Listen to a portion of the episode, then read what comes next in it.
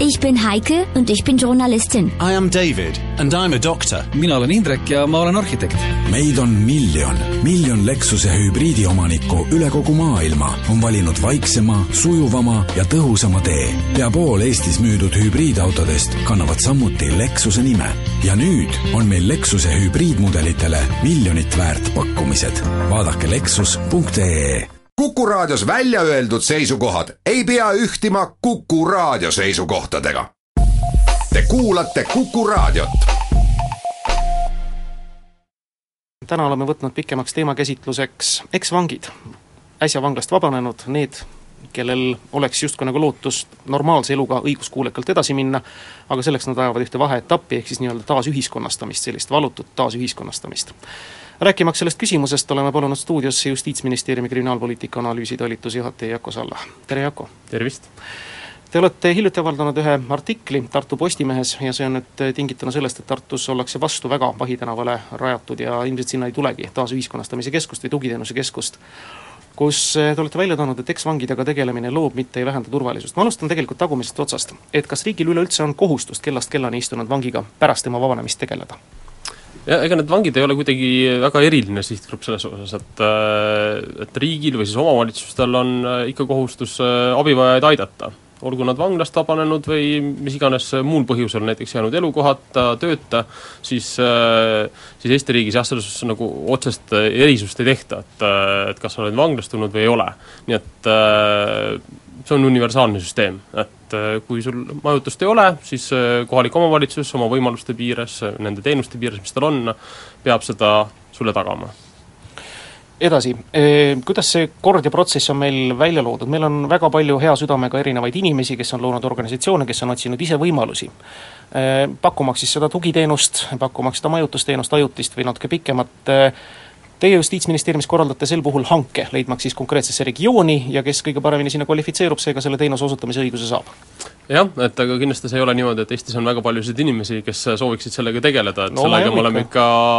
pidanud äh, palju vaeva nägema, et äh, et neid võimalikke pakkujaid leida ja, ja aidata siis selles töös, mida nad äh, teha soovivad. et, et pigem on see ikkagist vastupidi, et si-, sellesse valdkonda on väga raske nii professionaale kui ka vabatahtlikke tuua ja, ja ka selliseid teenuseid äh, neile selle tõttu luua, et äh, tulles nüüd selle vastasseisu juurde, mida inimesed eh, konkreetselt Tartu puhul, ma loen siit artiklist, et et ikkagi Timo korduvalt kasutatud väljend not in my backyard, eks ole, et mitte, mitte jumala eest minu tagahoovis, see on igapäevane, mida te selle töö juures kohtate?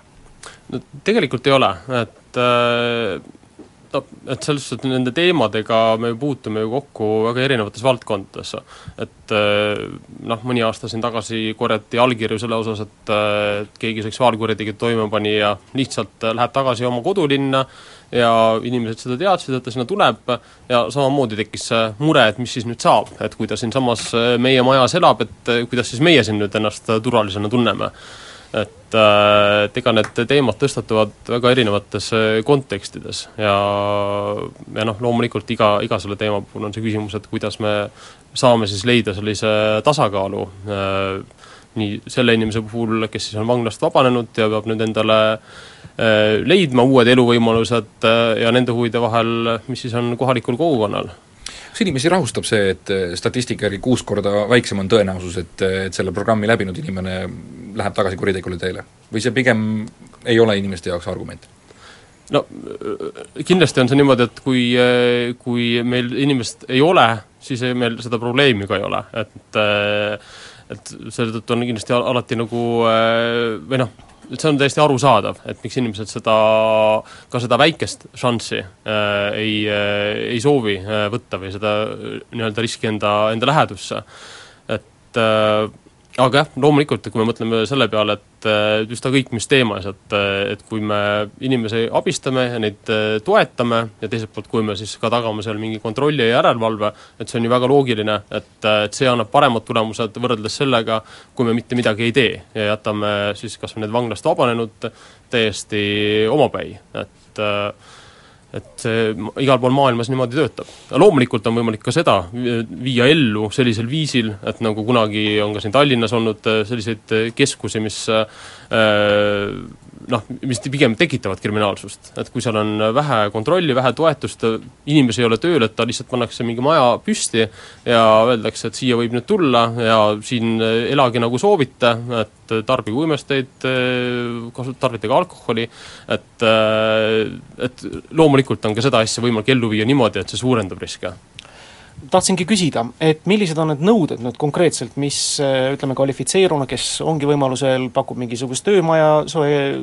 eks ole, küljealune katus pea kohal, et äh, midagi peab ju veel olema, inimene vabaneb vanglast, tal on ütleme koht olemas, kuhu minna vähemasti ajutiselt töötama, kas on ka tal kohustus, kui ta läheb sinna teenusepakkuja juurde, hakata endaga tegelema, kas minna mingile koolitusele, kui on oskused, teadmised olemas, võib-olla ka siis otseselt tööle, see, et alkoholi ja uimastite tarvitamise keeld, see on selge.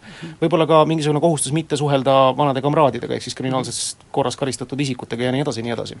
jah, see nüüd sõltub, et, äh, et meil on laias laastus kaks sihtgruppi, kes vanglast vabanevad. on inimesed, kes kannavad oma karistuse ära, ja nendele meil ei ole õigust mingisuguseid äh, piiranguid ega Äh, kohustusi panna, välja arvatud siis see, kui nad sinna otsustavad sinna majja tulla ja võtavad endale kohustuse selle maja reeglitele alluda. aga teine variant on siis see, kui ta läheb ka kriminaalhooldusele, siis seal kriminaalhooldaja võib talle loomulikult äh, panna ka selliseid äh, või kohus võib panna selliseid kohustusi, et kellega ta võib suhelda ja kellega ta ei või suhelda, et siis see on, siis see on võimalik, aga, aga jah, kui me mõtleme, et meil on selline majutuskoht, kus on mõned töötajad, siis noh, siis loomulikult keegi ju ei käi seal tal järgi ja vaata, et kellega ta, kellega ta suhtleb. aga noh, sellest võib-olla olulisem on ikkagi see, et, et kuidas me selle, mis muutuse me selle inimese, tema ellu tuua tahame, et nendel teenustel on äh, Äh, lisaks siis sellele majutusvõimaluse äh, pakkumisele äh, on seal teine suur eesmärk ikkagist selle töövõimaluste leidmine ja läbi selle siis inimeste selline aja mõistlik sisustamine. et pigem tulevad need jah, probleemid sellest, et kui me inimese aega ei, suuda sisustada, siis, siis see toob need probleemid ka kaasa. ja, ja teine, kolmas osa on siis seal tõesti igasugused sellised teenused, mis parajasti vajalik on, alates võlanõustamisest kuni psühholoogilise nõustamiseni. jah, ma just tahtsingi küsida, et antud juhul ütleme, kinnipeetav vabaneb vanglast, tal on ütleme siis antud maja või teenusepakkuja näol olemas kodu, kus on põhimõtteliselt kommunaalkulusid ta maksma ei pea, ta saab oma abiraha, ilmselt töötu abiraha, mis ei ole küll väga suur, aga oletame, et igapäevase kõhutäite saab ta lähedal olevas supiköögis, kas tal üldse tekib see motivatsioon otsida mingit tööd ja, ja sealt kusagil edasi liikuda, kas ta võib olla piiramatu aja selles keskuses või kuidas sellega täpselt on? Äh, ei, et seal keskuses jah, tõesti piiramatut aega ei saa olla, et keskused täituksid väga kiiresti, äh, kui see, kui see niimoodi oleks. et äh, maksimumaeg on seal ikkagist kuus kuud ja kui nüüd tõesti selle, keegi selle kuue kuuga ei leia endale uut elamispinda ja siis ka siis sissetulekut, mis aitaks seda elamispinda Äh, üleval pidada, siis, äh, siis jah, erandkorras on võimalik, et keegi on seal ka kauem, aga ta saab seal olla ikkagist nii kaua, kuni meil on järgmine tahtja ukse taga. et, äh, et kellelegi selle tõttu me ei, ei ei ütle. et et, aga kindlasti jah, inimesed on, äh, see on nagu vanglate puhulgi, et, et kuigi võib olla üksikuid inimesi, kes soovivad äh, ma ei tea, peale vanglast vabanemist äh, uue kuriteo toime panna selleks, et vanglisse tagasi saada, siis valdavas enamuses ikkagist see nii ei ole, et inimesed ei soovi elada kontrollitud keskkonnas, kus otsused nende eest tehakse. samamoodi on ka nende majutusasutustega, et et meil ikkagist valdaval enamikul meist on selline tung iseseisvuse, iseotsustamise poole, et no iga päev või, või võib-olla natukene harvemini keegi vanglast vabaneb, mis hetkel vangi juurde minnakse, öeldakse, et kuulge, et noh, sul nüüd hakkab sinna aeg läbi saama, et, et eh, kas sul on koht, kuhu minna, kas me hakkame sulle mingit programmi otsima, on üldse huvi neil vangidel, kes hakkavad vabanema? Jaa, see majutusteema on kindlasti hästi, hästi suur ja oluline teema, et see on ju, toob kohe esimesel päeval suure probleemi inimese ellu, et, et mis must õhtul saab. et eh, selles suhtes ta on palju nagu akuutsem probleem kui, kui töö või mingi suhted, et et millega on võib-olla aega rohkem tegeleda.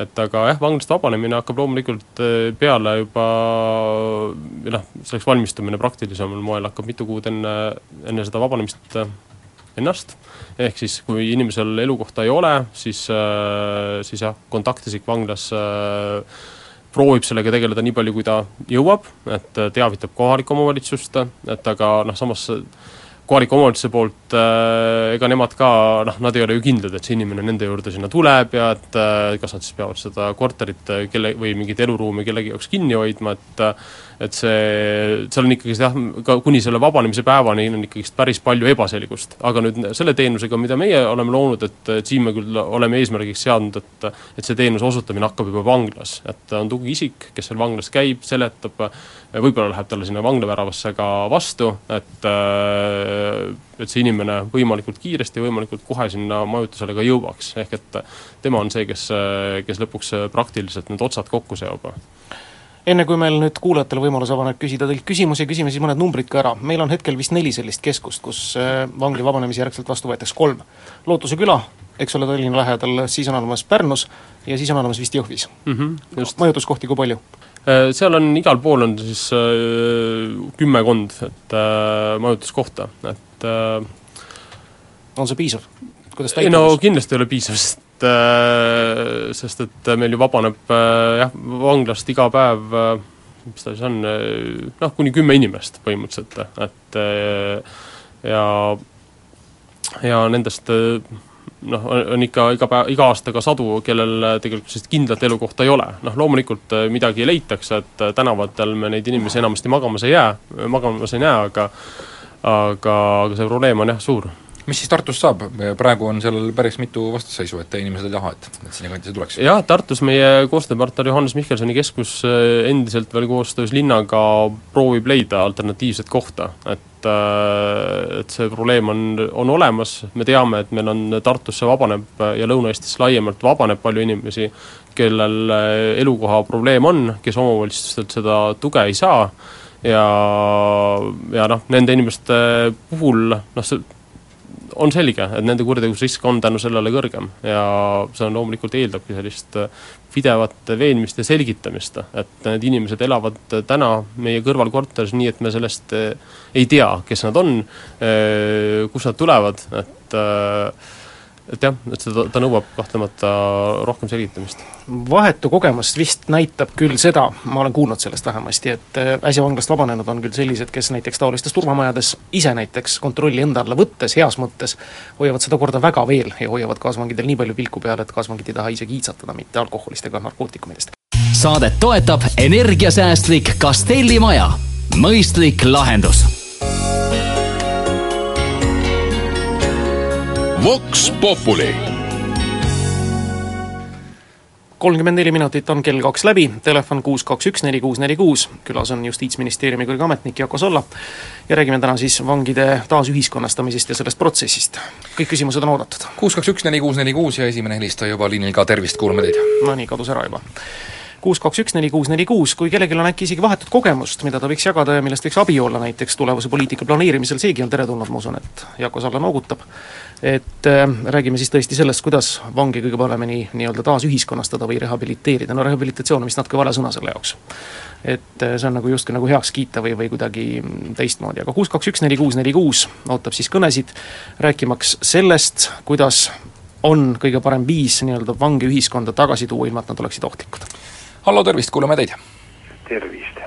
minu ettepanek oleks selles, et asjad, preventsioon peaks olema ennetav, aga nagu näha, et meil ka ametnikud nagu Nõukogude saaga moodi ise neid halba eeskuju annavad, võtame siin nagu Ilvese või turvapolitsei kas teil küsimus on nõnda, härra? küsimus on selles, et, et need meie juhtivad riigiametnikud enda suhtes peaks olema karmimad eh, karistused ja see kontroll peaks tugev olema, inimene vaimselt terve olema ja ta selle sisse ei satu. ei ole võimalik, et kiirreageerija seal Lasnamäel jälle oma sõbra või joomakaanlase laseb maha ja pärast on probleemid. see on ikka aastakümnete välja õpitud töö et selle vastu tuleb teil tulevikus vältida, et vastutus ka perearstidele panna ja siis, kui juhtival kohtadel on iga informatsiooni korjamine, et kuidas ta seltskonnas ennast üle peab, kas ta oskab peol olla või ta ei oska. jaa, härra, see on pigem kommentaari laadis, meil on praegu küsimuste-vastuste voor, nii et äh, aitäh, kui on mõni konkreetne küsimus nüüd Jako Sallale, Justiitsministeeriumi kriminaalpoliitika osakonna analüüsitalituse juhatajale, just nimelt sel samal teemal, ühiskonnastamise teemal või siis äh, miskit muud, mis on äh, antud valdkonnaga hooviti seotud, siis need kogemused ja küsimused on teretulnud. küsimusi võite Kuku raadio kodulehe kaudu ka saata meile, see on täiesti võimalik. Öelge, Jako Salla, kas ja kuidas ja ilmselt tehakse pidevalt uuringut selle kohta, kuidas vabanenud vangidel läheb, kes on otsustanud selle teenuse teed minna ja kuidas see protsent siis välja näeb? no tegelikult ega seda teenust meil ju väga kaua ei ole olnud, et ainult äh, aasta jagu või natuke peale, et äh, siit veel uuringute pinnalt midagi, midagi öelda ei saa. et, et aga jah, siin me saame kasutada seda maailma kogemust, et, et, et läheb palju paremini kui nendel, kes seda teenust ei saa. meil on helistaja ka, kuulame teid, tervist! No tervist, Erik Tartust. tähendab, ma küsiksin sellise küsimuse, et see tundub asi veidikene võimatuna, kuidas sealt kõrgest riigiametist tundub.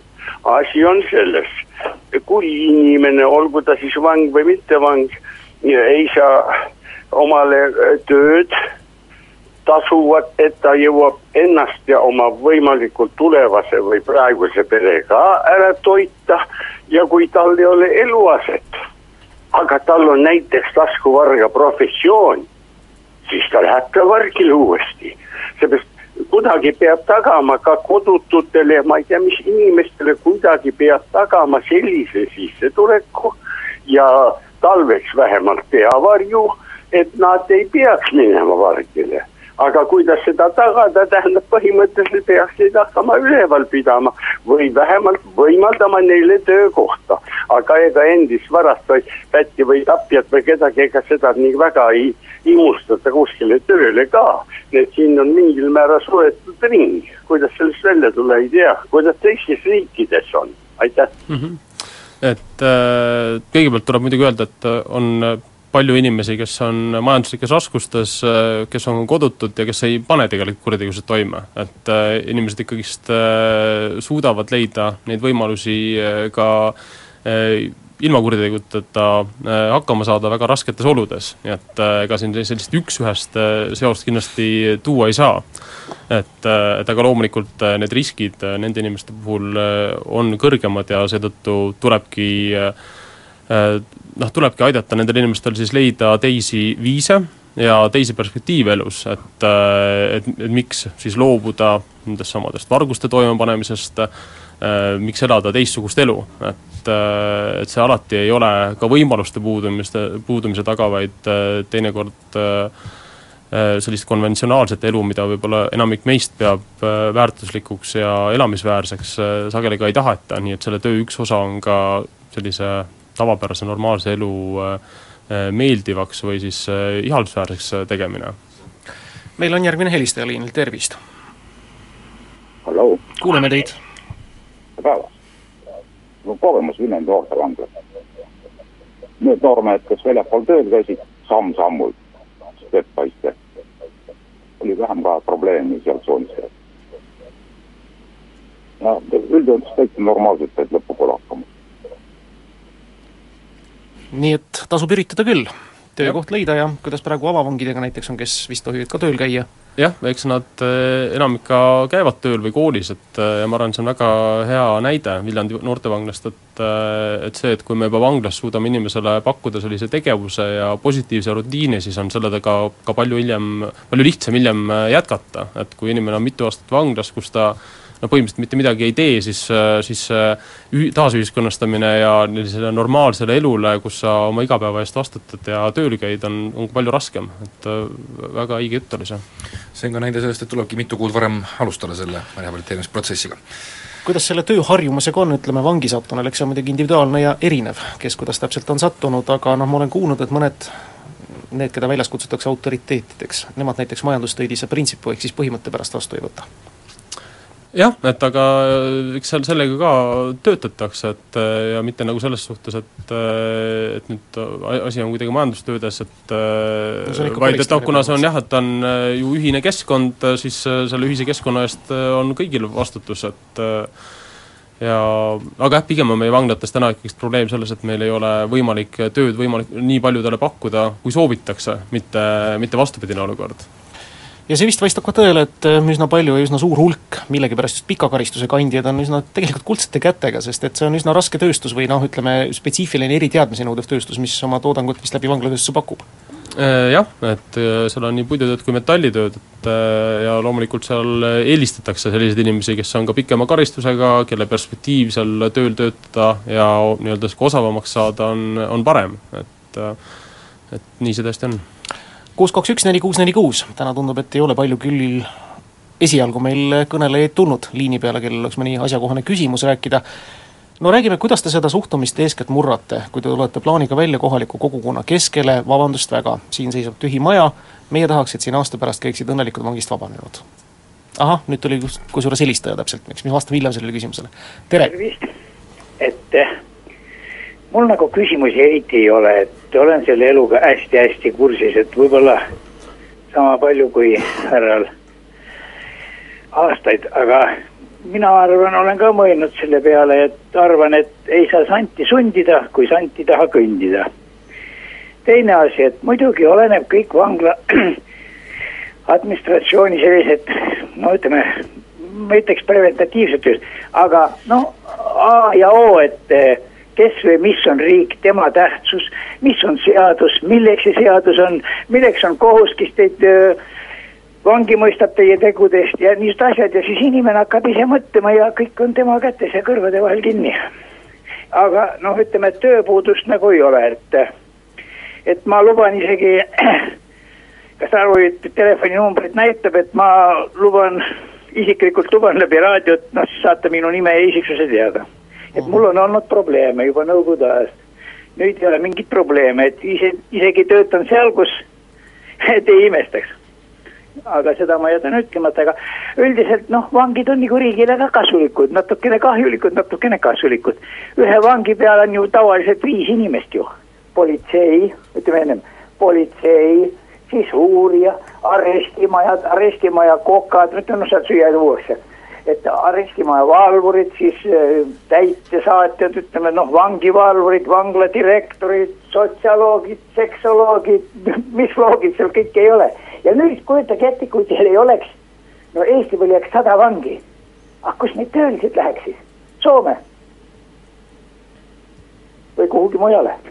et see on aastasadu ju olnud need vanglad ja vangimajad, see on selline, mina loen, et üks paramatu, paratamatu selline paratamatu ühiskonna osa, et aga siis inimestel on aeg maha võtta seal aega vanglas ja mõelda järgi ja mina arvan, et tänapäeval on Eestis kõik teed avatud, kes tahab tööd teha, kes tahab elada seaduskuulelikult oma südametunnistuse järgi, noh, pole hilja isegi vanas eas mõistes, et pepust üles kangutada. kaua te härra kinni istusite, kui küsida tohib? kus või palju? palju? kolmkümmend kolm ja kopikaid üsna mitme asja eest või? jaa, raskeid kuritegude ja mitte, mitte pedofiilia, mitte vägistamine, mitte need mm. -hmm. aga noh, olen juba kümme aastat miilitsa autot näinud ainult, kui ta mööda sõidab vingudes ja mingeid probleeme mul pole, mille, ühes, ühegi ametniku juurde minnes või töö suhtes millegipärast kiidavad, võib-olla ma sain seal hea töö, tööoskuse mm. -hmm. kes teid välja aitas pärast seda kolmekümmet kolmet aastat äh,? taevased jõud mm.. ja seegi tuli sealt asutusest, jah? ei, tema ei ole seal olnud, tema löödi risti. jah, ei ma mõtlesin, et teadmine sellest. jaa, et äh, seal oli selline hästi tore ja karm direktor nagu Ernits, Toomas Ernits.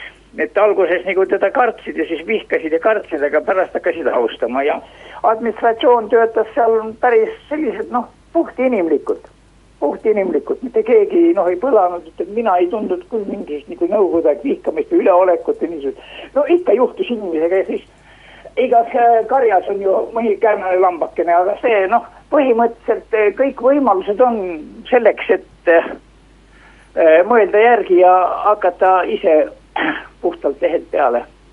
ja, ja noh, ma võin öelda, et kümme aastat ma pole roostest naela varastanud ega midagi teinud ja, ja jumal nagu õnnistab mind, mul on kõik olemas, elamised, korterid, tööd, liiklusvahendid, rahu ja põhimine on rahu südames, lendan nagu pääsukene. et ma tean, et ma ei ole noh, iseendaga ma olen rahul selles suhtes, et. suur aitäh teile, härra, kogemust ja, jagamast, aitäh teile. aga ma, ma võin mingit, ütleme et ma ka vahest mõtisklen siin ja vaatan, aga üldiselt need, kes sealt tulevad välja, ega need ei ole siin, nad on väiksest pärast, nende lapsepõlv on juba niisugune tänaval kasvanud ja nende lihtsalt arusaamised, lihtsalt kõige lihtsamad arusaamised neil puuduvad. ja sinna ei ole miskit teha.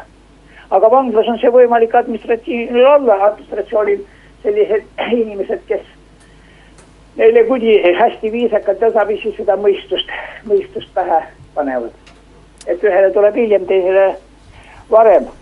aga no mina olin Nõukogude Liidu niisugune vihkaja, et kui ma käisin, meil võeti kõik ära, olime hästi rikas perekond Viljandist ja, ja majad ja talud ja siis ma tundsin kohe rõõmu, kui ma sain kolhoosipõllult midagi ära viia või sigalast kotijahu või ma tundsin kohe nautisin ja nii ta läks. veel kord suur aitäh, härra, oma kogemust jagamast, jätkake ikka valitud teel. Vox Populi reedene pikem Vox Populi saade jätkub, meil on külas Jako Salla, Justiitsministeeriumi kriminaalpoliitika osakonna analüüsitalituse juhataja telefon stuudios kuus kaks üks neli kuus neli kuus on küsimusteks Jako Sallale valla ja meil on ka helistaja liinil, tervist! tere, Leo Järva-Jaanist. no mind on varrastatud keskeltläbi kaks korda aastas. see on kevadel, kui on veel pime ja kui tuleb sügis, kui hakkab pimedaks minema. täitevehe pakk, noh pakk on olnud kuskil üks sentimeeter, aga minu küsimus, inimene lastakse vanglast välja, aga ta saab ainult nii palju raha, et koju sõita aga ta peaks ennem vanglast ei tohi ta välja lasta, kui ütleme, tuhat euri peaks olema ka noh, välja teenitud. ja enne vabaks ei lasta, kui see tuhat euri on tal olemas, et oma elu sisse sättida. mis te sellest arvate? Ma arvan, et see on väga õige mõte selles suhtes, et see kindlasti on täna probleem, et äh, tullakse välja üpriski tühjade taskutega ja tegelikult tullakse välja üpris suurte võlgadega, et enamikel vald-, vangla, vangidel on tegelikult äh, mitme tuhande euro suurused äh, võlad ja, ja tõesti sellest rahast sageli esimeses noh, rohkem ei piisa kui, kui transpordiks ja võib-olla korra poes käimiseks. et äh, nii et ma sellel mõttel kindlasti näen nagu head perspektiivi, aga täna ta jah, ei, ei seisa niivõrd nende kinnipeetavate taga, kes siis vabanevad, vaid ikkagi selle taga, et, et meil ei ole piisavalt töövõimalusi vanglas pakkuda, et kus siis seda raha teenida, et et see tuhat eurot kokku saada võtab vanglas ikkagist väga kaua aega, kuna esiteks see töötasu on madal, sealt lähevad maha äh, inimese e-, erinevad nõuded, kohtukulud äh,, kannatanute, kannatanute rahad, et, et see raha, mis sinna vabanemisfondi ikkagist koguneb, on, on väga väike ja see koguneb sinna väga aeglaselt, kindlasti väga asjakohane ettepanek. Üks meie kuulaja Tiiu küsib, et miks see keskus tahetakse just Tartusse teha, kas äh, tegemist on Tartus nii suure nõudlusega või on siis ta-, need äh, vabanevad vangid sealt pärit? Jah, et äh, üldiselt ikkagist me oleme proovinud neid keskusi luua siis võimalikult sinna, kus kohas elavad inimesed ja, ja et oleks Eesti võimalikult optimaalselt kaetud, nii et peale Tartu meil tegelikult Lõuna-Eestis ühtegi teist keskust ei oleks ja, ja elukoha probleem on, on igal pool ja see ei ole kuidagi ühegi ainult suure linna probleem. kuus kaks üks neli kuus neli kuus on helisenud, tervist! tere päevast! Eh, minul on jälle üks, eh, üks hoopis eh, suurem probleem nendele kriminaalhooldajatele. mina üürisin oma korteri välja ühele kriminaalhooldusalusele. ja siis järsku keset tööpäeva heliseb minu privaattelefon küsitakse, kas mina olen see ja see, ma ütlesin jaa. ja siis järgmine küsimus on, kas ma olen sellele eh, oma korteri välja üürinud, kas ta maksab korre-, eh, korrektselt üüri? ma ütlesin, kes te üldse olete? Ei tutvusta, ei tere, kas ma saan, kas mul üldse on võimalus temaga rääkida? mitte midagi, pärast tuleb välja, et on kriminaalhooldus, ametnik. no selline, see on, see on noh, mina olin ikka ikkagi eh, täiesti, täiesti šokis sellest, et sellised kriminaalhooldusametnikud on ja kui sellised kriminaalhooldusametnikud eh, hooldavad vange või vangist vabanenuid, siis andke andeks, eh, minul tekib küll väga suur küsimus, et, et kas neist vangidest ikka või eksvangidest ka midagi normaalset tuleb ja noh, vigentiks veel muidugi juurde see, et justiitsministeeriumis ei ole võimalik ühelt telefonilt teisele ühendada, vaid ikka antakse number, kirjuta üles ja helista uuesti e. E-riik, aitäh! aitäh teile, probleem siis nii-öelda suhtluskultuuriga jah, et äh, eks ma arvan, meil kõigil kodanikel on õigus äh, sellisele austavale ja äh, õiglasele suhtlemisele, et, et selle, selle saab ainult nõus olla, et ei, ei tohiks riik kellegagi sellisel viisil suhelda. Kuus, kaks, üks, neli, kuus, neli, kuus, järgmine helistaja on liinil, tervist, kuulame teid. mul on selline küsimus, et kui vang äh, eeluurimisajaks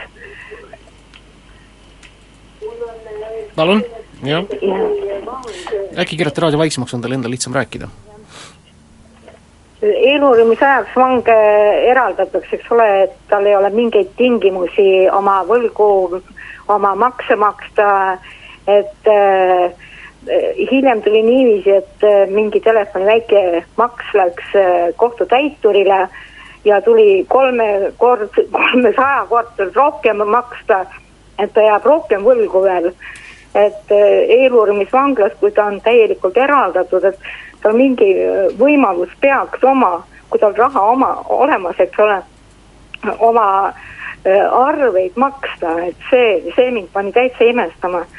ja teine küsimus muidugi jah, siin, et käis läbi juba, et vang lastakse välja, antakse talle bussisõiduraha ja ta jääb täielikult, jumal tänatud, kui on sugulasi, sõpru, kes aitavad, jääb kahe tühja käega et mi-, mida edasi, kuidas edasi, et see on tõesti selline väga imelik olukord. no aitäh igatahes, aga mind just paneb imestama, et eeluurimisvanglas inimene ei saa oma arveid maksta uh. -huh.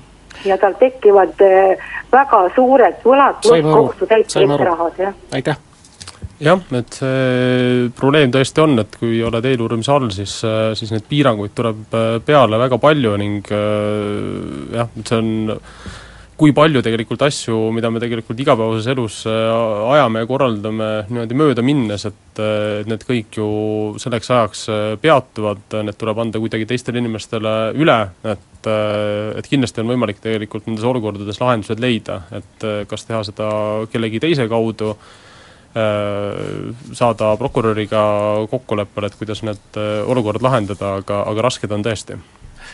jah, need võimalused tuleb leida, ma kardan, et ühe kõne võtame veel vastu, jah, ühe kiire kõne ja küsimuse loodetavasti, tervist!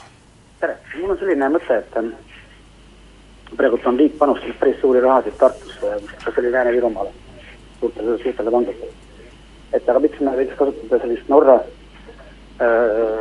varianti, et me ehitame sellised äh, suhteliselt vabad vangid, kus ei ole trelle ega ei saa selliseid kivimüüre, et äh, me ehitame saare peale kuskile kus saaks ka arendada tootmist ja inimesed saaks ka noh, ütleme vangid saaksid ka endale elatist teenida ja samal ajal võib-olla lahendaks ka ära nagu tööhõive ja regionaalpoliitilised küsimused.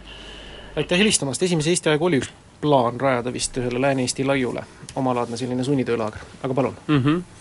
et äh, tõepoolest, et et neid äh, häid mudeleid maailmas, kus kohas äh, siis tõesti kinnipeetavad Äh, teevad metsa, tee-, äh, peavad loomi äh, sellist igapäevase olme eest, võtavad hästi palju sellist vastutust, neid, neid on maailmas tõesti olemas. aga jah, Eestis me oleme praegu läinud seda teed, et teha regionaalselt noh, tõesti suured vanglad Euroopa mõistes, et, et eks ta on selline valik sellise mm, no selle põhjal, selle vahel, et, et mis on hea ja, ja, ja meeldiv ja teiselt poolt, mille eest me oleme valmis siis oma maksude näol tasuma, et kindlasti on selliste suurte vanglate iga, igapäevane ülalpidamine riigile odavam, võrreldes selliste paljude väikeste vanglatega, kus on siis palju selliseid teenuseid kättesaadaval seekord on aeg otsa saanud, aitäh, Jako Saala, täna meile stuudiosse tulemast, usutavasti mõtteid veel koguneb, kui kellelgi veel on, siis võite võtta ühendust Justiitsministeeriumiga ja siin oma mõtetest teada anda, edu, jõudu ja loodame siiski, et ka Tartu piirkonna selle teenuse pakkuja leidmine lõpuks ka õnnestub, aitäh teile veel kord! aitäh!